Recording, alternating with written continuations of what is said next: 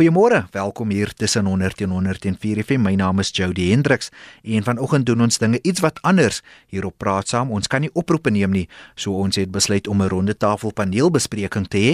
Die onderwerp ongelykheid in Suid-Afrika. Nou volgens 'n onlangse verslag van die Wêreldbank is Suid-Afrika die mees ongelyke land ter wêreld. Hulle het 149 lande gelys. Die verslag het Suid-Afrika se post-apartheid vordering ontleed met die fokus op die tydperk tussen 2006 en 2015. Die verslag het bevind dat die top 1% van Suid-Afrikaners 70,9% van die land se rykdom besit, terwyl die onderste 60% slegs 7% van die land se bates beheer. Meer as 30 miljoen Suid-Afrikaners Suid-Afrikaners woon onder die nasionale armoedegrens van R992 per maand. Die getal het sedert 2011 toegeneem. So vanoggend op praat saam kyk ons na die redes vir die ongelykheid. Waar het dit begin? Wie is te blameer en hoe stel ons dit reg? Maar kom ons hoor eers van Dr. Dion Raubenheimer, die oud akademikus en fisikus, se gedagte rondom die hoë vlakke van ongelykheid in Suid-Afrika. Ek wil wegtrek deur vir jou te sê dat Ek is van opinie want ek hoor baie dat daar word gesê ons het 'n ongelooflike ongelykheid in die land. Daar word gesê daar's te veel arme mense. Ek is van opinie daar's te min ryk mense. En die probleem hoekom daar te min in hakkies ryk mense is, is dat die probleem lê dood eenvoudig dat jy kan nie van niks iets maak nie. Jy kan nie niks vat en dit verdeel en dan dink jy iets nie. Die geskiedenis het dit vir ons oor en oor gewys. Jy kan 35000 boere, blank, swart, alle soorte wat jy lus is, wat nou op die grond is, kan jy wegvat. En jy kan hulle vervang met weer 'n 30000 ander boere. En jy sit môreoggend nog steeds met 49 miljoen 970000 mense wat die grond het. Die. Hoe lank sal hulle nou vat voor hulle nou ongelukkig raak dat hulle nou nie een van die 30 is nie? En dan doen ons dit weer. En dan jy nog steeds 49 miljoen 940 000 mense sonder grond. En hoe lank gaan dit vat voor daai 49 miljoen nou ongelukkig raak? So hierdie hele situasie is vir my 'n onaanvaarbare vertrekpunt en ons hou aan mekaar met hamer en hamer en hamer daarop. As jy 'n bestaande besigheid vat en jy sit deur BEE 'n ander persoon in die bestuur van die besigheid, dan skielik het jy 'n persoon wat voorheen vaardig was, sit nou in 'n bestuursposisie en die vaardigheid van passer en draaier is nou nie meer daar nie. So dis ook nie die oplossing. So wat ek vir u probeer sê is as jy na die bestaande Suid-Afrikaner kyk en ja, daar is 'n klompie ryk mense, daar is hulle is daar bo. Ek is toevallig nie een van daai nie. Relatief tot 'n ja. ander, miskien, maar oor die algemeen sal ek nie as ryk geklassifiseer word nie. Wat ek vir u probeer sê is dit. Ons probeer almal kyk om 'n stuk te kry van die hele besigheid, 'n stuk van die paai as ek dit so kan noem. Maar ons kyk nie na die waardeketting na onder toe nie. Die probleem lê by opleiding. En ek sê nou vir u dat ek kom uit die universiteit uit, ek is 'n fisikus van beroep, ek het voortydig geloop. Die rede hoekom ek dit doen, is dat ek glo nie in die stelsel nie want die universiteite en die opleidingsstelsels is gediskonnekteer van die samelewing. Elke tweede persoon loop met 'n graad, met 'n mm. PhD in fisika en ons weet nie wat om daarmee te maak nie. Die mm. oplossing vir my lê dood eenvoudig daarin dat ons moet die wat in die ekonomie staan, die besigheid, die mense wat besighede dryf, dis baie baie spesiale mense daai. Ons kan nie deur wetgewing probeer om daai mense se bestuur en die eienaarskap van 'n besigheid te probeer verander deur 'n BEE wetgewing want wat maak daai persoon dan? Daai persoon verdwyn in die niet. Hy wil nie investeer nie. Hy's bang om die harde geldjies wat hy hard voorgewerk het nou ook op die mark te gaan en dit te gaan mors.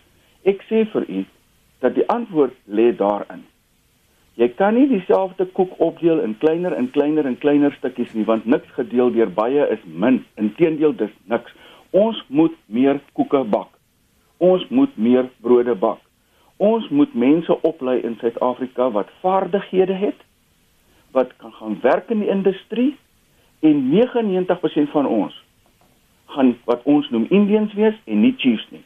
Hmm. En ons moet as Indians werk Ons moet ons hand aan die ploeg slaan, ons moet ons skouer teen die wiel sit en ons moet begin om meer koeke te bak. As ons dit nie doen nie, dan sien ek 'n baie slegte prentjie, maar ek sal hom nog 'n kans gee. Maar opleiding is die antwoord en sogenaamde waardeketting of downstream economy is die antwoord. Elke persoon wat uit die universiteit uitkom, het die studente moet week gewerk het. Hulle almal verbeel hulle hulle is een of ander baas van 'n ding. En dan word vir hierdie mense en ek gaan die woord berig gebruik. Deur die politici word dit gelieg vir hierdie jong mense en vir hierdie kinders van wat aangaan in Suid-Afrika en die politici jok vir die mense. Hulle jok vir die jong mense en dit is tyd dat hierdie ding moet reggestel word. En dit dan Dr Dion Roubenheimer, my gaste vanoggend is Lulu Kriel, ekonom by PwC. Goeiemôre. Goeiemôre Jody. Dr Telma Lou van die volhoubaarheidsafdeling by Unisa. Môre Jody. En Leon Wessels, oudminister en ook help skryf aan die grondwet. Môre môre Jody. En dan ook vir eerwaarde Christensen van die Menseregte Kommissie. Lulu, uh Dion sê ons maak keer meer ryk mense. Is die oplossing vir ongelykheid so eenvoudig? Ehm um, Jody, dit is ek wens dit dit was, dit's definitief deel daarvan en ek meen hoe meer ryk mense daar is, hoe beter.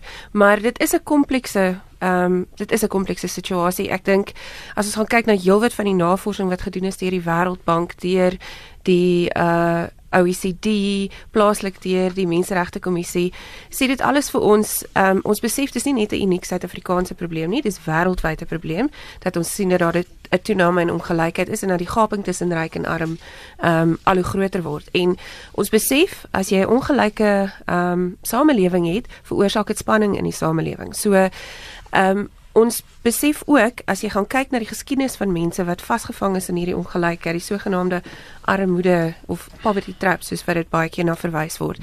Is daar seker goed wat 'n mens met jouself moet eerlik wees en ek stem daarmee um, met Dr. Rubenheimer 100% saam dat een van die een van die faktore wat die mees effektiefste is, is opleiding, maar dis die regte opleiding, dis dieselfde kwaliteit opleiding. Ehm um, studies in Amerika byvoorbeeld wys ehm um, mense se vermoë om uit armoede uit te kom is is veel groter as jy of of om opwaarts in die samelewing te beweeg, nie noodwendig uit armoede te kom nie, om uit 'n beter posisie te kom as wat jou ouers is in 'n beter posisie te wees, is veel beter as jy uit 'n middelklas huis uitkom, dan jy omtrent 'n 6 uit 10 kans om goeie verdere opleiding te kry. Terwyl as jy kyk na van jou armer huishoudings, ehm um, kyk mense na 1 uit 10. So, dis 'n komplekse ding, dit het vele fasette ons kan nie ekonomiese groei ignoreer in hierdie in hierdie ehm um, in hierdie hele proses nie. En ons het ook gesien toe die Suid-Afrikaanse ekonomie vinniger gegroei het, het mense vinniger uit armoede uitgekom. Maar daar is ook ander goed wat ons dan moet kyk wat wat taamlik kompleks is en en ehm um, onderwys is onder andere een van hulle. Gaan later stil staan by onderwys. Eerwaarde het 'n uh, ongelykheid 'n menseregte kwessie geword? Absoluut. En hier sal sien in ons verslag dat ons natuurlik bevindinge gevind het, maar ek wil ook net noem dat dat dat ehm um, opleiding en wat ons ook gesê het in die radikale ekonomiese ekonomiese transformasie dat daar spesiale maatreëls gevind word vir verdere vir opleiding en en opvoeding. En ek dink dit is wat 'n uh, eh, voorgespreek gesê het, ja, dis absoluut waar. Ek kan net na myself kyk as ek dink nou dat ek is die eerste generasie wat uit armoede gekom het deur opleiding, deur te gaan leer en dat ek dink daar baie meer gedoen word uh, wat betref op opleiding en spesifiek ook hierdie ding van uh wat vakmanskap wat is of vakkundigheid wat ons aan die aan die orde van die dag moet bring. Dr. Delmalou, Dion sê ons moet almal 'n stuk van die paai kry. Hoe volhoubaar is dit? Dit is volhoubaar as daar meer pastye is. Ehm um, soos hy soos hy ook gesê ja. het ja. en ek dink dit is waar die die skepping van welvaart ehm um, in die prentjie inkom. Daar's 'n verskil tussen rykdom en welvaart. Welvaart is 'n langtermyn ehm um, belegging wat jy maak nie net in jouself en jou huisgesin nie, maar ook in in jou land en in die ekonomie van jou land. So ons moet kyk na die die skep van welvaart. Welvaart word op verskeie maniere geskep.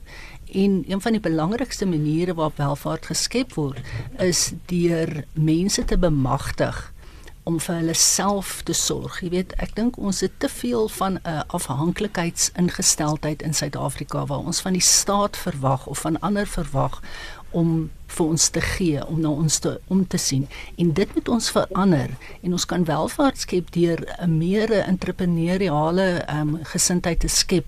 Ehm um, onder ons mense in Suid-Afrika dat hulle besef dat hulle moet na hulle self kyk. Hulle moenie net altyd dink die staat gaan na hulle kyk nie. Leon het julle ongelykheid dan aggeneem toe julle destyds die grondwet geskryf het en Suid-Afrika vandag in 2018 die mees ongelyke land ter wêreld. Wel, ons het nie gehoop dat Suid-Afrika 'n ongelyke land sou bly nie.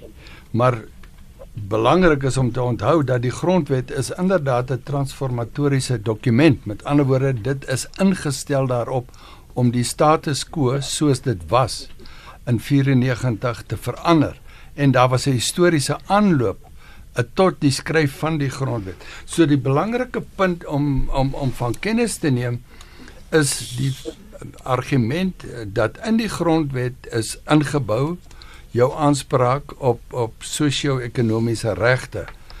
Maar niemand het verwag dat die staat eensklaps al hierdie ongelykhede kon gelyk maak nie of dat die burgerlike samelewing of die ryk mense soos Dion uh, na hulle verwys nie 'n uh, hand sou uitsteek en armes se situasie verbeter nie. Daarom word daar gepraat van die progressiewe realisering van hierdie regte. Maar onderliggend tot dit alles en ek dink hier val ons tekort is ons kommunikeer nie behoorlik oor wat ons gemeenskaplike oogmerke is nie en ons verduidelik nie waar ons tekortskiet en so meer nie.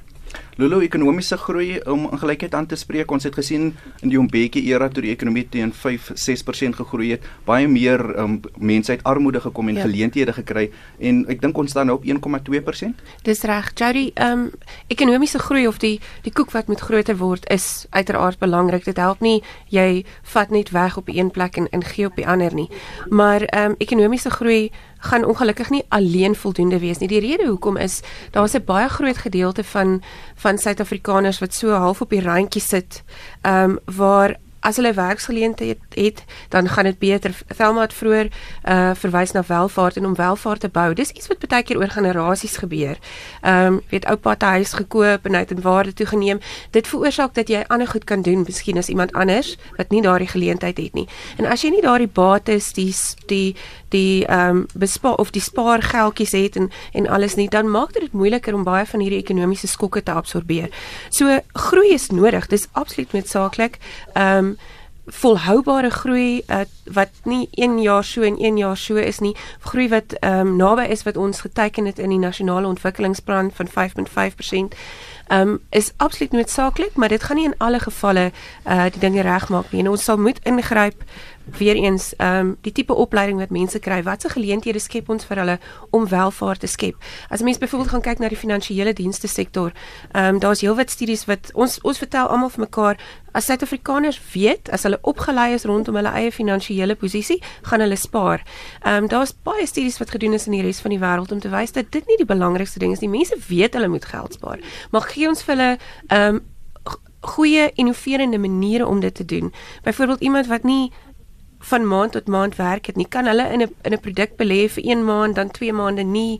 Jy weet, het, het ons slim maniere om ons party van hierdie goed kan beantwoord. Eerwaarde Christnesan, ek dink ekonomiese bemagtiging is ook in julle verslag uitgewys. Absoluut. Ehm um, dit ons het dit uitgebring en gewys dat ja, dat ekonomiese bemagtiging dit is 'n belangrike faktor, maar ek dink ook dat daar is ander faktore soos byvoorbeeld ehm um, wat ons na gekyk het in terme van wat die so byvoorbeeld die VAT wat nou die, die belasting wat nou op op op opgebring is die regering in hierdie jaar wat ook 'n bydraende faktor is tot by die armoede en die en die verdere verskerping in ongelykhede. Maar natuurlik ook die ons bevraagteken ook natuurlik die hele uh uh faktore wat daartoe verder aan aan aanleiding gee vir ongelykhede. Byvoorbeeld die Employment Act, Act wat ons nou kyk en dis meer en ons sien hoe die wanbalans daar tussen ons grondwetlike uh, uh, regte en dan ook soos die ons sê die sosio-ekonomiese regte wat daar bestaan. Maar ek wil net iets inbring hierso. Jy weet ons praat nou van ekonomiese groei en praat van paar uh, dinge waar ons nou ja natuurlik moet entrepreneurs moet bou in dis meer. Maar op die grondvlak vind ek byvoorbeeld dat ons sit nog met strukturele uh uh ongelykhede wat uit die ou dae uit na kom en ook vandag se beplanning by ten opsigte van munisipaliteite waar ons sien 'n wanbalans in die in die in die in, in die in die realisering van sosio-ekonomiese regte byvoorbeeld dat aan een kant van die dorp groei die mense en aan die ander kant van die dorp groei die mense nie. Aan een kant van die dorp is daar infrastruktuur en behuising en dis meer aan die ander kant van die dorp is daar niks nie. Dit het veroorsaak in die afgelope tydperk, die afgelope paar maande veral hier in die Weskaap, maar oral in die land dat jy sien die onluste en die protestering wat daar uitkom. En die natuurlike mens kan spaar, maar as mens nie geld het om te spaar nie, hoe spaar jy? As meeste van ons mense op 'n SASSA uh, uh, grant lewe, hoe bespaar jy in die jy sien byvoorbeeld vandag kry mense hulle SASSA geld en dan môre staan daar die mense by dieselfde shark loans om weer hulle kaartjie te gaan weer geld te gaan leen. So hoe kry hoe 'n mens 'n uh, 'n uh, 'n uh, kultuur van besparing in Suid-Afrika wanneer mense werkloos is, wanneer mense uh, arm is en wanneer mense die ongelykhede voel in die land. Ek hoor vir jou uh, Dr Lou, ek dink nie ons sal ooit ongelykheid kan nie maak nie, maar ons kan dit verminder. Hoe verminder ons? Hoe kry ons 'n balans laat die, die gaping tussen ryk en armes kleiner word? Ja, wel die sosialiste sal vir jou sê dat ons kan ongelykheid tot nul maak, maar dit is 'n ander gesprek vir 'n ander dag. Ja. So ja, ek stem saam dat dat ongelykheid altyd daar sal wees, maar ek dink ons moet kyk na die omvang van die ongelykheid. Ongelykheid. Ons moet probeer om die die ongelykheid te vernou. Ehm um, En dit is 'n 'n 'n komplekse situasie. Dit is nie iets wat oornag gaan gebeur nie, maar ek dink daar is sekere verwagtinge geskep by ehm um, groot gedeeltes van die bevolking dat die ongelykhede outomaties gaan verdwyn, dat hulle bitter min gaan moet doen om die ongelykheid te laat verdwyn, dat dit dat dit basies die staat sal vir hulle sorg. Die staat sal sorg dat die ongelykhede gaan verdwyn. En ek dink as gevolg daarvan het baie mense nie besef dat die ongelykhede kan net verdwyn as hulle self um ook skouer aan die wiel sit en en werk daaraan nie. En dit begin by klein goed. Jy weet ons het um op dokter gehad soos fees must fall in die tipe van goeders. En ek was van die opinie op daai stadium al dat mens moet eintlik jou kleuters in hulle doeke kry wat 'n fees must fall want as jou kleed as jou voorskoolse kinders nie bemagtig word nie. Ek meen ons kyk as ons in die laerskole kom, die vlakke van verskille wat daar is tussen kinders wat wel ehm um, kleuterskole toe gegaan het en kinders wat nie kleuterskole toe gegaan het nie. En daai kinders begin dan op 6 jarige ouderdom al met 'n agterstand. 'n Agterstand wat progressief groter word soos hulle deur die skool die skoolstelsel beweeg.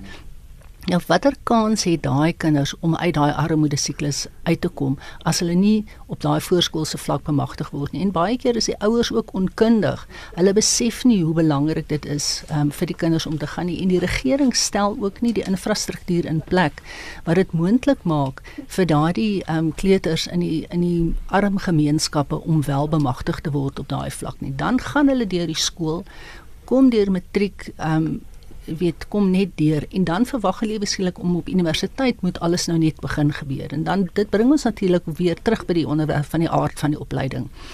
Universiteitsopleiding verseker nie dat jy ehm, 'n um, werk gaan kry nie. Die die aard en ek dink dit is in die in die aanvanklike insetsel ook gesê.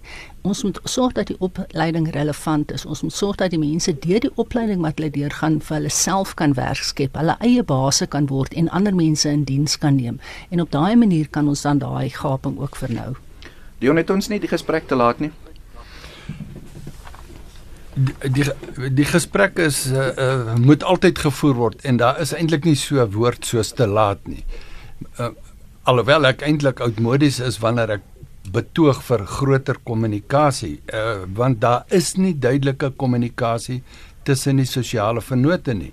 Daar's ook nie ooreenkomste tussen die sosiale vennote te weet te arbeid, kapitaal en die staat nie. Ons sien die getoutrekkery aldag en heeldag en die voorbeeld word nie deur die staat gestel nie. Die staat kommunikeer nie behoorlik nie. Die staat uh, is nie vindingryk genoeg om hierdie sosiale vennote in te trek en bymekaar te hou.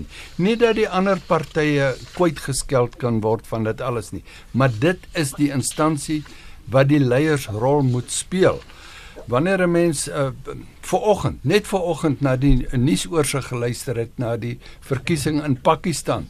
As jy nie geweet het dis Pakistan nie, kon jy geargumenteer het of gehoor het dat dit is 'n politieke agenda vir Suid-Afrika, die bekamping van korrupsie, uh die stryd teen uh, die armoede en en en werkloosheid. So uh, die, die vraag wat ons moet vra en en en en en dis 'n iets wat van 'n omstrede vraag. Dis wat. Het ons die geleentheid deur die vingers laat glip om 'n welvaartsbelasting in te stel tydens of net na die WVK. Daar's hoeveel mense wat gereed gestaan het om 'n bydrae daartoe te maak, maar die staat het nou die geloofwaardigheid verloor om so inisiatief te neem. Die mense vertrou nie die staat met hulle geld nie. So ons moet na 'n nuwe manier prakseer om om om 'n groter deelname dus van die ryk mense te hê. Obama het dit so pragtig gestel. Hy sê wanneer is genoeg genoeg? So dan moet meer ryk mense hê wees, maar hoe ryk moet hulle wees? Uh hulle het ook 'n plig tot die uh, om om hierdie gaping te vernou. Eerwaarde wil jy reageer? Het ons die kans gemis? Ek dink so. Ek stem saam met Leon ons het die kans gemis want ons sit met 'n situasie waar daar wantroue is op die oomblik in die staat. Wantroue in die regering en mense het natuurlik uh, daar was 'n geleentheid 'n uh, venster gewees vir ons en die staat het dit gemis. Maar ek wil net verder byvoeg en dink die private sektor behalwe dit nou die private sektor kan ook nie een kan staan nie en dit is een van ons bevindinge dat die private sektor kom ook nie na die tafel om uh om deel te maak van om hierdie ongelykhede uh stuk vir stuk uit die weg te ry nie. Lulu wil jy reageer op Chris se aanname dat die private sektor nie te betrokke is om ongelykheid aan te spreek nie? Jerry, ons het verlede week uh as PwC um 'n uh, verslag bekend gemaak spesifiek oor direkteursvergoeding en is iets wat ons nou al vir 'n hele paar jaar doen. Um waar ons kyk na en dit is nou nou praat ons van die ongelykheid tussen tussen die die werkendes as ek dit so kan stel want in Suid-Afrika is dit ongelykheid, dis armoede en dis werkloosheid dis daai of en onder in diensname daai amper vier probleme wil ek sê wat ons mee sit. So armoede en ongelykheid is nie noodwendig dieselfde ding nie. Ehm um, dit is en, en dit is jy weet dit kan nogal 'n komplekse gesprek raak. Maar ehm um, om terug te kom na daardie studie toe. Wat is byvoorbeeld daar bevind is nou mense is geneig om te dink iemand wat arm is ehm um, is noodwendig ehm um, iemand wat werkloos werkloos is en ek dink in Suid-Afrika besef ons die mense wat eintlik ehm um, die mees ehm um, blootgestel is in wat in die ekonomie gebeur is die is die arm werkendes, die mense wat wel werk het maar jy weet in die in die laer ehm um, in diensname vlakke is. Maar wat daardie spesifieke studie bevind het is dat mettertyd oor die laaste paar jaar ehm um, het die het die gaping tussen dit wat die hoofuitvoerende beamptes van maatskappye kry en hulle werkers het al hoe breër geword, het al hoe groter geword. Ehm um, dit het gegaan oor die laaste 10 jaar van ek dink 53 tot 1 is dit nou 67 tot 1 en weer eens ook een van die grootste gapings wat daar is. Nou ek verstaan mense kom altyd met die argument entrepreneurs, mense wat risiko neem, ehm um, moet vergoed word vir dit wat hulle doen. Dis heeltemal waar, dit is so, maar wat ons wel sien is dat gegee wat in die privaat sektor gebeur het in Suid-Afrika die laaste paar jaar, weer eens is daar 'n gebrek aan vertroue. Ehm um, die mense wat werk vir, vir maatskappye, ehm um, die aandeelhouers, die res van die wêreld, die regering, almal kyk daarna en sê Julle sê julle skep welvaart, maar doen julle dit werklik as ons sien wat het gebeur? Ehm um, ons sien nie noodwendig altyd ook dat daar 'n verhouding is tussen dit wat van hierdie direkteure kry en die ehm um, wat uiteindelik met die met die prestasie van die maatskappy gebeur nie. Ons het gesien wat met Steinhoff gebeur het. So daar's 'n baie groter druk vir aanspreeklikheid om te sê, ehm um, ons wil sien waarvoor word jy vergoed. Daar's baie groter druk van aandeelhouers, nie net die werkers nie om te sê, ehm um, ons kan nie sien dat hierdie gaping al hoe groter word nie, want dis baie duidelik dat ehm um, ekonomiese groei, produktiwiteit nie positief beïnvloed word deur groeiende ongelykheid nie. En wat van werkskepping? Uh ja, nee, dis natuurlik ook ehm um, 'n 'n fundamentele deel deel van die gesprek. Maar ehm um, ek wil aansluit by wat Thelma vroeër gesê het ook. Die groot besighede in Suid-Afrika ehm um, neem 'n baie groot deel van die Suid-Afrikaanse bevolking in diens. Maar uiteindelik gaan dit nie wees waar ons gewerk skep nie. Dit is die kleiner besighede wat moet suksesvol wees. Dit is die kleiner besighede wat moet oorleef. En hier wil ek ook sê, ehm um, miskien wat wat die groter besighede in die private sektor moet doen is om te sê hulle het almal ons is self ook daarbey betrokke ons om te sê kom ons kom ons kyk of ons julle kan help oplei. Dis reg, dit is nou wat almal die weet die die buzzwords as ek dit so kan stel. Ons gee vir julle raad en hulp en finansiële ondersteuning, maar weer eens dink ek het ons gesien in Suid-Afrika en op ander plekke, dis nie wat nodig is nie. Wat nodig is is dat jy vinniger jou geld kry as jy betaal moet word. Wat nodig is is dat jy befondsing kry. Wat nodig is is dat jy toegang moet kry tot markte. Um die meeste mense wat 'n klein besigheid het, daar's 'n paar basiese goed wat hulle moet weet, maar die toegang tot die markte, toegang tot fondse, vinniger betaal word, dis uiteindelik wat belangrik is en ek sal graag wil sien dat groot besighede daarbey betrokke wil raak want almal van ons sê ons sal ons vaardighede gebruik om julle te leer om dit te doen. Kan ek sommer hier inchip uh, Ja. want uh, wat Lulu hier sê uh, is is so waar, maar die vraag wat ons moet vra is hoekom is die vreemdelinge in ons land, vreemdelinge hanteer ek nou versigtig om saam te span, saam te vorm, saam inisiatief te lê en daardie klein entrepreneurskapsorganisasies van stapel te stuur. Johnny Steinbeck het 'n kostelike boek geskryf, A Man of Africa, en dan vertel hy hierdie ou se pad hoe hy in Suid-Afrika uh beklei het om tot hier te kom en dan wanneer hy hier kom, dan maak hy sekere aannames. Hy ontdek Suid-Afrika by hernuwing en die inisiatief lê dan in dit wat hy van sy mede uh sal ek hulle noem immigrante uh noem en dan staan hulle saam hulle vorm kartelle hulle beding goedkoper pryse en hulle kompeteer met die bestes en die Suid-Afrikaners is dan op die agterplaat. Dr Lou, um, wat kan ons leer by ander lande in terme van ongelykheid aan te spreek? Ehm um, voordat ons daarby uitkom Jody wil ek ook net um, my ehm um, 5 sent bygooi. Okay. Ek ek dink wat ons moet onthou is dat middelmatigheid beskou altyd uitnemendheid as 'n bedreiging. En dit is hoekom as jy um, in 'n omgewing is waar middelmatigheid die norm is, waar waar daar um, hulle nie hou van mense wat uitstyg bo middelmatigheid nie, dan gaan daai uitstygers gaan altyd dan geteiken word. En dit is die enigste manier om nou terug te kom na jou vraag toe hoe mense hierdie gaping kan uh, vernou is deur uitnemendheid te uh, aan te moedig en en en dit ehm um, waarde daaraan toe te voeg in vir mense wat wat beter wil wees, wat daar harder wil werk om uit te styg om hulle te ehm um, laat hulle kan sien dat hulle wel die die die vrugte van hulle arbeid gaan gaan pluk en dat dat die gemeenskappe hulle waardeer en dat daar 'n uh, 'n netwerk geskep word, 'n ondersteunende netwerk geskep word waar hierdie persone omdat hulle deur uit te styg en deur hulle uitnemendheid trek hulle noodwendig die gemeenskap ook op want hulle skep werk in die proses. En die gemeenskappe moet dan die waarde daarvan raak sien eerder as om daardie mense as 'n bedreiging te sk- beskou, hulle winkels te gaan plunder en afbrand ensovoorts ensovoorts. Eerwaarde Dion Roubenheimer het gesê politici jok vir die mense, uiteindelik gesê hulle lieg vir die mense. Sou jy sê ons het 'n gebrek aan leierskap veral op politieke vlak as ons praat om ongelykheid aan te spreek? Ek dink ons het nie net 'n gebrek nie, maar ons het on, ons on, daar is ook nie 'n wil om dit aan te spreek in my opinie.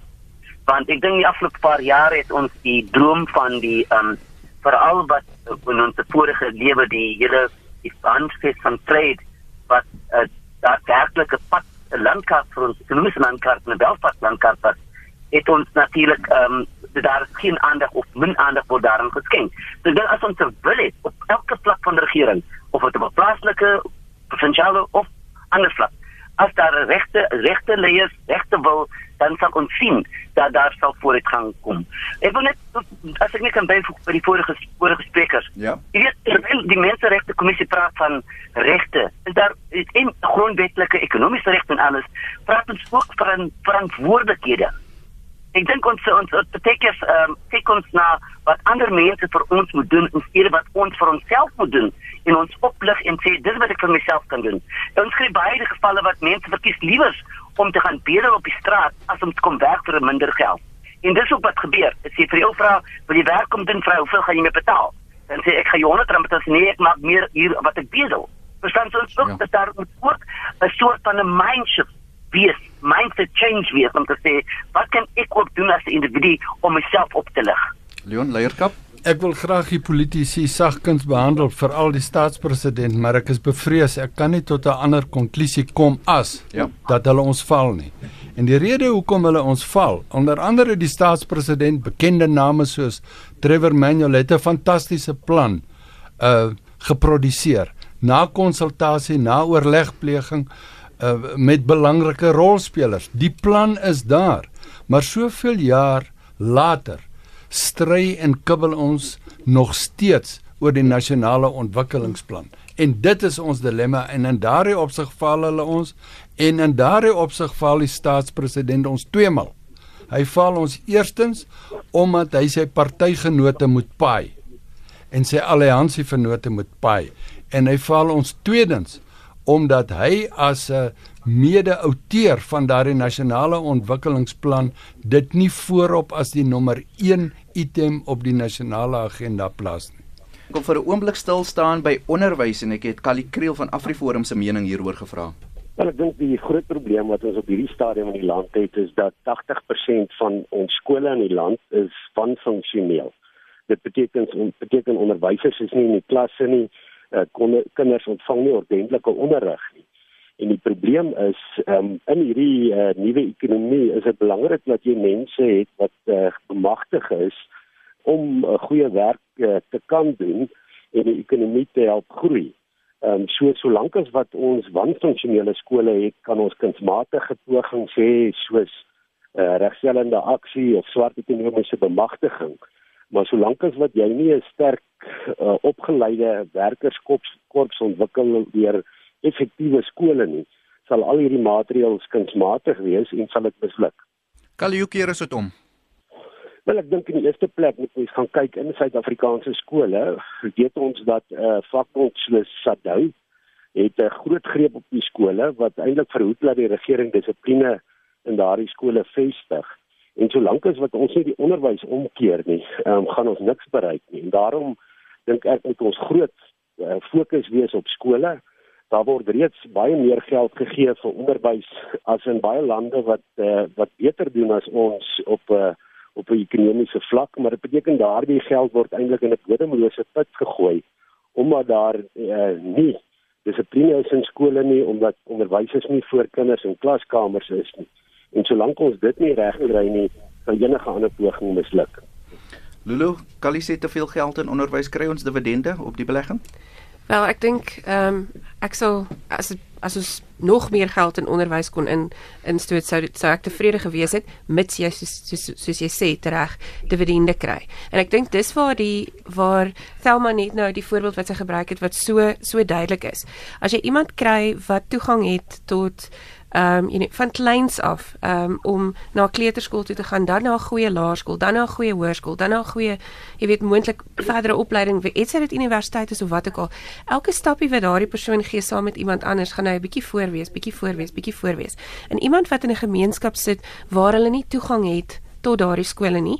Ehm um, ja, daar is suksesstories van mense wat uitstyg en wat dit in elk geval maak werk en wat elke in elk geval ehm um, jy weet die verskil maak. Maar vir die breë uh, vir 'n breë klomp van die bevolking, hulle kan al die wil in die wêreld hê om skool toe te gaan, maar as hulle nie die kwaliteit opleiding kry nie, ehm um, gaan dit 'n probleem wees. Daar's verskillende voorstelle. Ek weet byvoorbeeld in Kanada het hulle en ek so iets in Suid-Afrika kan dalk ek weet nie of dit kan werk nie. Miskien is dit nie prakties nie, want ehm um, maar hulle het 'n letterlike lys van skole en van tersiêre opleidingsinstansies en alles. Ehm um, en nou praat ek nie net ons universiteite en so aan word ook internasionaal jy weet gekeer volgens waar hulle is. Maar is dit nie tyd dat ons sê dat almal kan sien die skool hier in jou omgewing. Dis die slaagsyfer. Dit is ehm um, dit is sekere sekere uitkomste wat ons wil bereik in hierdie skool en dit is wat ons reg gekry het sodat die gemeenskap ehm um, die die skole verantwoordelik kan hou en die onderwysers in daai skole en uiteindelik ehm um, moet jy 'n situasie kry van as as dinge nie hier gaan soos dit moet nie, moet daar optrede wees. Dit help ook nou nie wat ons nou gesien het in die begin van die jaar wat gebeur is. Mense besef dit, mense weet dit en hulle wil graag hulle kinders in in die regte skole kry. Dis hoekom daar druk is om skole wat reeds oorvol is nog meer kinders in te kry en ensovoorts. Dr. Lou dit is polities makliker om skole wat nie presteer nie, ehm um, te ignoreer en half op die kantlyn te skuif as wat dit is om die moeilike besluit te neem om daardie leerkragte verantwoordelik te hou en eerder te klem te lê op uh, skole wat wel goed presteer en aan te dring daarop dat hulle meer leerders moet toelaat ensovoorts ensovoorts. So ons sit met die die dilemma van politieke besluite teenoor besluite wat in landsbelang is. Politieke populistiese besluite gaan nie ehm um, vakbonde soos Sadou wat Kali genoem het, ehm um, die harnas wil injaag deur daarop aan te dring dat hulle personeellede 8 uur in die oggend as die skool oopmaak daar is nie. Ehm um, dit dit dit is dit is wat moet gebeur dat ons politiek ongewilde dinge moet bereid wees om te doen sodat ons in landsbelang skole kan hê wat wat beter kan funksioneer. Jy weet ons kom uit 'n era uh, voor 1994 van burgerlike ongehoorsaamheid. En ek dink nie ons het daarin geslaag om daai burgerlike ongehoorsaamheid af te skud nie ons voel nog steeds dat ons kan bereik wat ons wil bereik deur burgerlike ongehoorsaamheid. Ons het nog nie demokrasie regtig aangegryp en besef dat ons magtigste wapen wat ons het, is die stem wat ons uitbring in 'n in 'n verkiesing nie. Eerwaarde, wat sê die mense op grondvlak in terme van onderwys en toegang tot onderwys? Ehm um, natuurlik dis een van die kwessies wat wat ons wat werklik vir ons uh, in die gesig staar wat mense baie bekommerd is. En van on, die een ding van die van die onderwys is dat jy vind byvoorbeeld dat baie van die leerders wat in graad 1 begin ehm um, sê 1000 begin in graad 1 na 12 jaar is dan maar 10 of 5 wat graad 12 toe gaan en daar die hele mense ek gesak het in daardie tydperk. En dis 'n rede vir bekommernis. So behalwe die, die kwaliteit onderwys toegang tot onderwys is ook hoe hou mense kinders op die skool? Want dit is 'n belangrike faktor want daai kind wat uit skool uitval staan op die straat. Maar ek wil net gou iets vra, Judy, en ek wil dit graag vra aan my mede lede van die paneel. Voort. Jy weet ons ons praat nou asof ons as die hele Suid-Afrika in dieselfde posisie is. Maar ons is werklik nie almal in dieselfde posisie nie. Want as ons kyk na ons verslag praat ons van die die die armoede vlakke tussen die verskillende groepe in ons land en veral ten opsigte van swart uh, African and colored versus uh, die die die die Indian en en die en en en die blanke gemeenskap. En dan Frans, maar hoe is, is dit struktureel kan ons so aangaan met dit en wat moet gedoen word om ten minste die armoedsvlakte te te, te verlaag en ook ten minste die ongelykheidsvlakte te werk. Ek stem saam. Ons sal nooit ter ter aarde ongelykheid in die mensdom kan uitdra nie, maar ons kan ten minste werk aan om meer en meer gelyke vlakke daarvan te hê. Sê me vra, ons praat nou asof ons in die algemeen praat, maar wat is ons te verslag bring uit om te sê hier is die ongelykhede en die armoede vlakke tussen die verskillende gemeenskappe? Leon, wil jy reageer? Uh, nie nie tromp op en en en, en regheid nie uh, want want uh, dit is 'n groot vraag wat uh, wat ons gespreksgenoot daar aanvoer eerwaarde Nissan. Ek ek wil aanhaak met my eie agenda. Okay. Ons o, ons vat die vakbonde en en en alles wat hier omtrent hulle gesê is, stem ek mee saam. Maar daar's 'n 'n baie belangrike vraag wat in die lug hang en dit sluit aan by wat Chris sê en dit het te maak met strukturele ongelykheid. En dit is die rol van ouers in die skole. Ouers party kan 'n rol speel, Party ouers is is is geestelik en emosioneel sterk genoeg om die onderwysers aan te vat. Ander ouers is gewoon onmagtig. Hulle het nie vervoer nie. Hulle is nie so leesvaardig, skryfvaardig, bestuursvaardig uh, soos die persone wat hulle moet dissiplineer nie. En dit het 'n oorsprong. Daar is 'n aanloop daartoe. Uh, uh, Elsa Joubert het daaroor geskryf toe sy Poppy Nongena geskryf het toe die ouers vir die kinders weggehardloop het en gaan wegkruip het het dissipline en ouer gesag gewyk. En daardie gebrek aan ouer gesag sien ons ook by bestuursvaardighede. Ons het 'n baie omstrede LER hier in in Gauteng van onderwys. Uh vyand nommer 1 in die oë van baie. Maar hy het 'n geldige punt in my oog wanneer hy praat van die die uh die aanslag wat ons moet hê om bestuursvaardighede en bestuurskundighede met mekaar te deel op skoolvlak. Lulu in 'n ideale wêreld sou dan iets soos ongelykheid gewees het nie. Ja, maar ongelukkig ehm um, sien ons weer eens soos ek sê, oral is dit 'n probleem en selfs van die mees welvarendste samelewings is dit iets wat aan die toeneem is. So jou relatiewe armoede vlakke mag dalk laer wees, maar ehm um, die die verskil, die groot gaping tussen ryk en arm veroorsaak spanning um, tussen mense. Dit ons het vroeër gepraat oor vertroue. Dit uh, dit breek daardie vertroue af. Maar ek wil aansluit by wat Erwarenis aan gevra het en dis moeilik as jy aan die ander kant van die van die van die tafel sit en jy besef maar jy's een van hierdie mense wat wat jouself, jy weet jy, jy kon suksesvol wees. Ehm um, en ons wil almal graag vir onsself vertel dat ons dit deur harde werk gedoen het en ek glo ek het dit deur harde werk gedoen. Ek het dit gedoen. Maar ek dink dat ons die van ons wat wel in die posisie is om te sê, ehm um, jy weet dit gaan met my goed.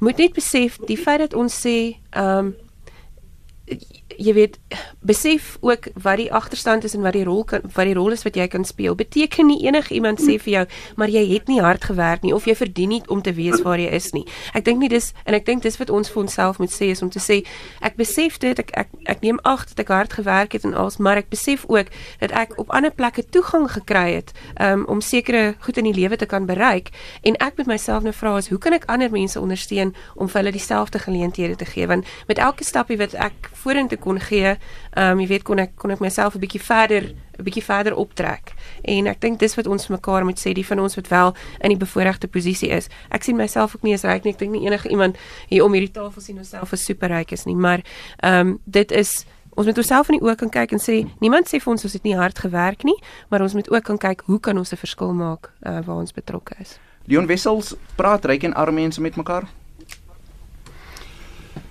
oor kwessies nee. wat belangrik is? Nee, aller allermins uh ons praat nie met mekaar nie. Ons on, ons vermy mekaar. En en en hier verwys ek na na ryk soos in ryk en arm soos in arm. Ek beskou myself nie as ryk nie. Ek is nie ryk nie, maar ek is uiters bevoordeel. En die rede hoekom ek bevoordeel is ek was ek was in 'n baie goeie skool. Ek het 'n goeie universiteit uh bygewoon. Ek het in 'n stabiele omgewing groot geword. Dit alles maak my baie bevoordeel en dit plaas 'n plig op my om uit te reik en te help om iets van myself te gee om 'n ander persoon te bemagtig. En ek moenie swaar dra en swaar trek aan die feit dat ek so bevoordeel was nie. Dit was my beskore. Maar dit beteken nie ek moet 'n dowe oor gooi vir die persoon wat nie so bevoordeel soos ek was nie. En ons praat nie regtig nie. Ons is ons is on, ons is bang vir mekaar gaan kyk en lees net die nuutste boek wat op die mark is nou van Clinton Chauke, 'n UJ student waar hy groot geword het in sy landelike omgewing waar daar nie 'n vloer is nie maar 'n mat in die shack waarin hy woon en die slange uh, uh, kruip onder die mat in en hoe hy moes veg van daardie omgewing af om 'n 'n suksesvolle student aan UJ te wees nou. Eerwaardenesan, is u ryk en praat u met arme mense op grondvlak? Daar's 'n sê ding 'n Duitse sê ding wat sê as jy buurmens nie eet nie kan jy nie slaap en vir vir wel, welke redes? Want ons sien ook dat en hoe maar te ryk woonbuurte hulle self beskerm met allerlei uh, gadgets uh, om die arme mense uit te hou. Ek dink um, ek het groot geword baie arm groot geword. En uh, self was 'n leerling het ek gaan hout maak uh, om die bymaase inkomste te supplement. En ek het vir die Here beloof dat ek sal altyd waar ek myself bevind, uitgaan om mense te help. Dit is net 'n persoonlike vlak, ek wil nie daaroor praat nie, maar ek dink die groot ding wat ons moet doen, dit is om te sê hoe bring ons gesprekvoering na mekaar toe en hoe bou ons hoe verminder ons die ongelykhede, hoe meer werk ons kan skep, hoe meer ons kan uitreik na mekaar toe kan ons dan ook hierdie hierdie verhouding die die social cohesion kan ons verder bou eerder as om 'n uh, 'n verdere uh, uh, uh, jy weet verwydering van die gemeenskap en waar mense hulle self toesluit met met allerlei en ander mense probeer uithou. So hulle sê as jy buurmense is nie, kan jy nie slaap nie. Ons gaan vir julle vra om op te som Dr. Louw gaan by u begin 1 minuut asseblief. Ja, baie dankie. Ek dink ehm um, wat ons vanoggend oor gesels het en wat ons gehoor het is dat die kwessie van ongelykheid veral in Suid-Afrikaanse konteks is nie 'n een eenvoudige kwessie nie. Dit is baie kompleks. Dit is nie iets wat baie maklik opgelos gaan word nie. Ons het nog nie eers begin praat oor die kwessie van die ongelykheid tussen die geslagte nie. Ehm um, 46% ehm um, van ons bevolking kom uit enkelouer gesinne waar waar die ma die enigste um, broodwinner is. Um, net 14% van die paas in daai situasies maak 'n gereelde finansiële bydrae tot die tot um, hierdie huishoudings. Hoe benadeel dit nie die kinders wat wat in hierdie huishoudings is oor die oor die lang termyn nie. Ons sit met 'n regering wat ehm um, nie die um, ekonomie behoorlik kan bestuur nie en dit lei daartoe dat dat ons baie stadige um, ekonomiese groei het. Nou ons kan nie by die al die beloftes wat gemaak is uitkom as die ekonomiese groei so stadig is soos wat dit was nie. So oor die kort termyn, die medium termyn Ja laas dink ek nie dinge gaan verbeter nie. So ek dink nie ons is al by die ergste punt nie, maar ons ons moet praat daaroor en bewusheid skep daaroor dat ons kan begin werk daaraan. Ons kan nie stil bly daaroor nie. Lulu Ek um, ek moet ook sê ek dink die belangrikste is ons besef as daar ongelykhede in samelewing of ongelykheid in samelewing is, is daar gebrek aan aan vertroue en is dit een van die grootste faktore wat aanleiding gee tot sosiale ehm um, die weet spanning. En Suid-Afrikaanse besighede het vir ons gesê ons het ook navorsing gedoen om wat die CEO's gesê die hoofuitvoerende beamptes die ding wat ons in die nag wakker hou soos eerwaarde Nissan gesê het is 'n vrees en bekommernis oor sosiale spanning. So dit maak besigheidsin om dit aan te spreek. Dis die regte ding om te doen. En ek dink ook ehm um, ons moet ophou om enige iets wat na ons kante toe kom te sien as 'n aanval en regtig probeer om mekaar se stories en mekaar se situasies beter te verstaan en op daardie manier ehm um, jy weet kan ons mekaar dalk beter help. Eerwaarde Nissan?